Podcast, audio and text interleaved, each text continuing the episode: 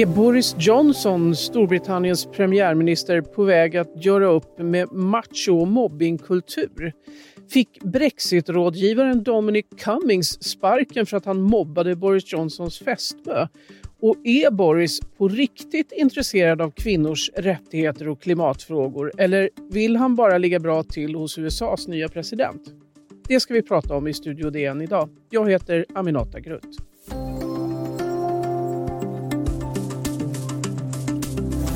Tonight, we are leaving the European Union.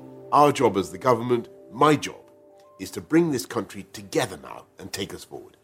The most important thing to say tonight is that this is not an end, but a beginning.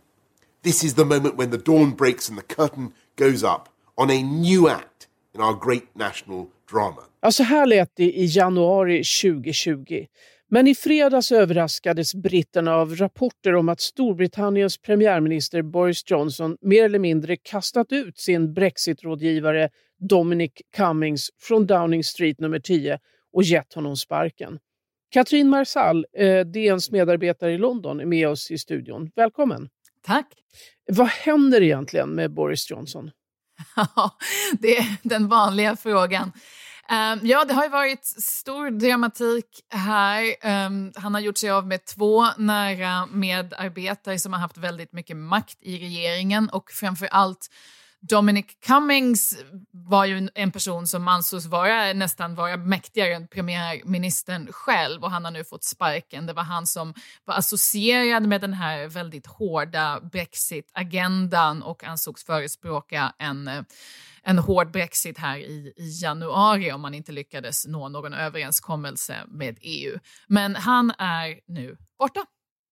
Och vad var det som hände egentligen? Enligt en artikel i The Guardian så har Cummings kallat Boris fästmö Carrie Simmons för Princess Nut Nut. Ja, det är ungefär vanligt tonläge i brittisk politik om man ska vara sån faktiskt. Det är ganska, ganska hårda ord och mycket rykten och mobbarfasoner. Men jag tror att just Dominic Cummings, jag vet inte vad han har kallat Boris Johnsons fästmö. Carrie Simmons då som Boris Johnson har varit ihop med i drygt två år, officiellt i alla fall, är ju dock en politisk spelare själv med, hon är en PR-kvinna, tidigare kommunikationschef för det konservativa partiet. Hon är, hon är en politisk spelare med sina egna politiska agendor och det kan man ju tycka kanske är lite märkligt eftersom hon inte har någon, någon vald position. Men uppenbarligen så har det varit konflikter mellan Boris Johnsons nära rådgivare till vilka hans fästmö måste räknas. Och nu har han då tagit ställning och vill också bli av med de värsta mobbningsfasonerna inne på Downing Street 10. Det är en ganska dysfunktionell miljö vad jag förstår från källor. Eh, även oppositionen lär väl ha eh, applåderat att Cummings fick gå? Eh, ja, absolut. Det var förvånansvärt hur få som hur få personer i Storbritannien som var ledsna över det här, eller i alla fall uttryckte eh, någon form av saknad för Dominic Cummings. Eh, han är en väldigt impopulär person. Han är också väldigt känd. Han är så pass känd. Det har till och med gjorts en stor brittisk storfilm om honom med Benedict Cumberbatch i, i huvudrollen. Så det här är något av en, en karaktär som inte har gått hem hos det brittiska folket utan som man, man ofta skyller på gällande allt man inte gillar med Boris Johnson. Mm. Eh, men vad har hänt med Boris för övrigt? Han ömmar plötsligt för klimatfrågor och kvinnors rättigheter. Ja, det var ju ett intressant, eh, ett intressant citat som kom från några av hans medarbetare här när allt det här hände förra veckan. Att eh, ett av skälen till att Boris Johnson gör sig av med Dominic Cummings är att han vill byta profil och inte längre prata om alla de här högerpopulistiska eh, frågorna där man eh, till exempel attackerar BBC, public service har varit någon, en agenda som Dominic Cummings har varit nära förknippad med. Uh, och så vidare, utan nu vill Boris Johnson istället prata om klimatfrågan. Storbritannien är ju värd för FNs stora klimatkonferens nästa år. Han vill prata om kvinnors och flickors rättigheter, han vill prata om infrastruktur och han vill prata om brottsbekämpning.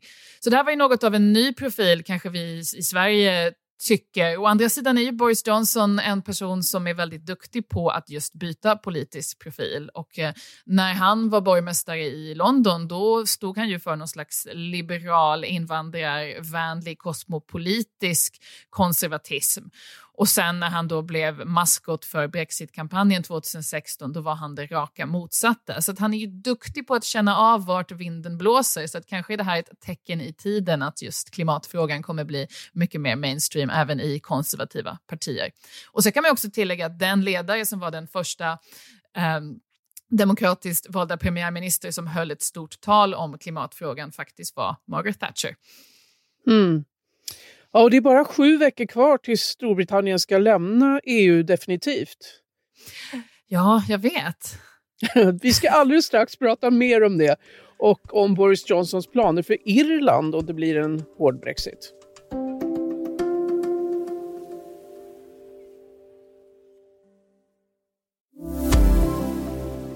Ja, vi pratar om Boris Johnsons nya framtoning och Brexit. Knappt sju veckor kvar till 1 januari när britterna definitivt ska avsluta sitt medlemskap i EU.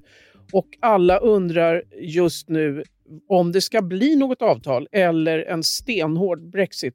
Kat Katrin Marsall, du har följt förhandlingarna. Hur går det?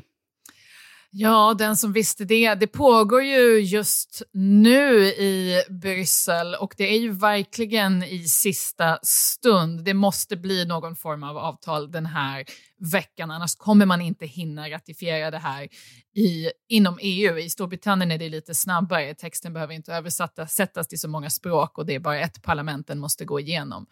Men så det, det är nu det gäller och det finns ju fortfarande, man står ganska långt ifrån varandra gällande, just nu framför allt så handlar det om frågan om vilken rätt Storbritannien ska ha att, att till exempel kunna införa Eh, lättare miljölagstiftning eller arbetsrättslagstiftning än resten av EU och fortfarande kunna handla med EU.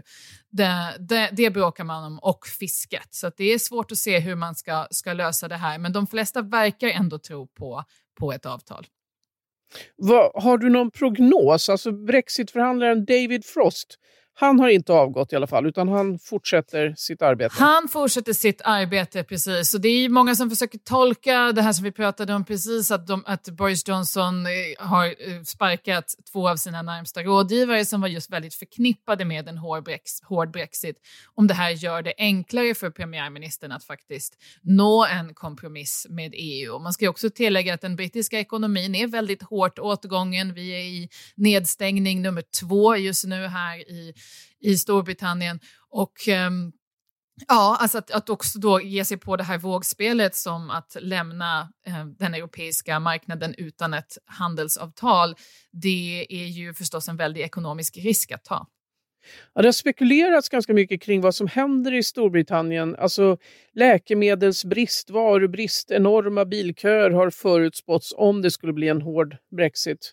Mm. Vad, vad mer kan man förvänta sig? Ja, alltså det är ingen som vet. Det är ju inget land som har gjort något liknande. Så det är ju, det, vad som kommer att hända är ju, är ju att Storbritannien den 1 januari lämnar EUs gemensamma marknad på det ena eller andra sättet. Och lämnar man utan ett avtal, då kommer man väl försöka sluta eh, komma fram till lagstiftning som gör att alltså, de här väldigt grundläggande sakerna, att liksom, flygplan fortfarande kan, kan lyfta i Paris och landa i London och sådär, det där kommer man lösa. Men det är ju hela handelsfrågan. Storbritannien kommer gå över till att handla med EU på Världshandelsorganisationen, så att säga, grundavtal. Och det kommer innebära höga höga tullar, det kan innebära långa bilköer och eh, varubrist. Och, men det är ingen som vet. Det är alltihopa är prognoser, ingen har gjort något liknande förr. Så det blir ett jätteexperiment. Eh, Boris Johnson har också pratat om tullfrihet på Irland, även om det skulle bli en hård Brexit. Varför mm. är det viktigt?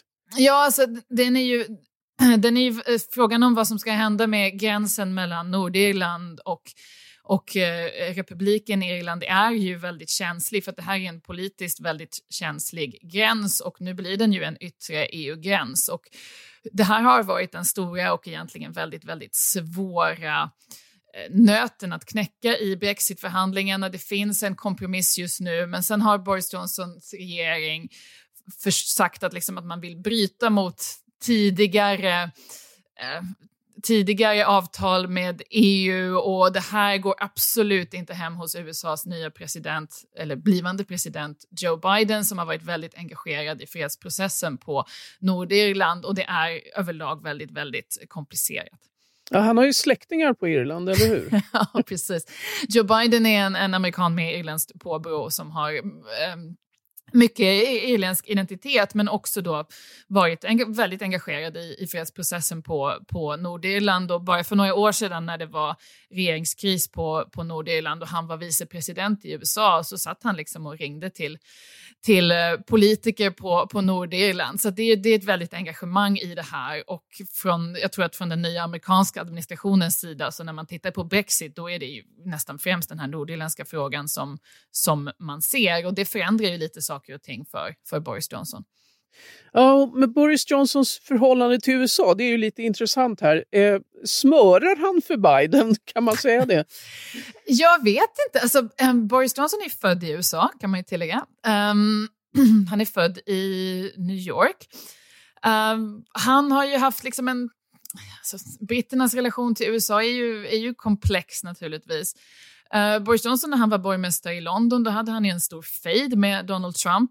Uh, sen så blev han liksom nära associerad till Donald Trump, i alla fall i mångas medvetande. Och Joe Biden har han ju aldrig träffat. Nu har de ju pratat i, i telefon med varandra.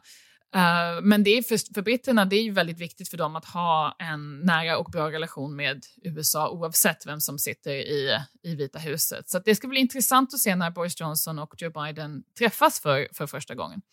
Ja, och vad händer med Boris förslag om att ersätta G7 med D10, de tio demokratiska länderna? Ja, vi ska inte räkna upp dem, men Ja, alltså det där är ju en, en idé som, eh, som finns på nummer 10, Downing Street. Storbritannien eh, söker ju sig en ny roll i världen efter Brexit. Uh, och det finns en, en idé som, som Boris Johnson är, förespråkar om att man ska ta de G7-länderna, de um, stora ekonomierna, um, lägga till ett par nya länder, men bara eh, skapa en grupp bara för demokratier. Och det här är nog en, en agenda som, eh, som Joe Biden också kan eh, hålla med om och, eh, och vilja driva. Så där har de ju lite potentiell eh, gemensam mark. Och så värd för FNs miljökonferens COP26 mm. nästa år. Hur påverkar det här? Det här, alltså, när man pratar med folk runt Boris Johnson, eh, de säger ju att, att han är väldigt, alltså det här är oerhört viktigt för honom. Eh, och klimatagendan eh, har blivit väldigt viktig för honom. Det finns ju en tradition inom det konservativa partiet, som jag nämnde, Margaret Thatcher till och med, eh, med liksom en, mer av en miljöprofil, klimatfrågeprofil. Den har inte varit särskilt stark de senaste decennierna. Han sägs vilja ta, ta in det här igen. Man kan ju, om man ska prata om hans familj som är väldigt relevant när det gäller honom, så hans far är ju en ganska känd miljöaktivist, Stanley Johnson, och nu är ju Boris Johnsons fästmö också en miljöaktivist. Så att han har ju många personer omkring sig som brinner väldigt mycket för det här. Hans pappa var ju till och med höll tal för Extinction Rebellion i London, eh, den här klimat, klimataktivisterna, klimatdemonstranterna. Så att, eh, mm. vi får se. Det här kanske är Boris Johnsons nya profil. Ja. Tack Katrin Marsall, DNs medarbetare i London. Studio DN görs för Podplay. Producent Sabina Marmelakai, exekutiv producent Augustin Erba, ljudtekniker Patrik Miesenberger, teknik Jonas Lindskog, Bauer Media och jag heter Aminata Grutt. Vi hörs!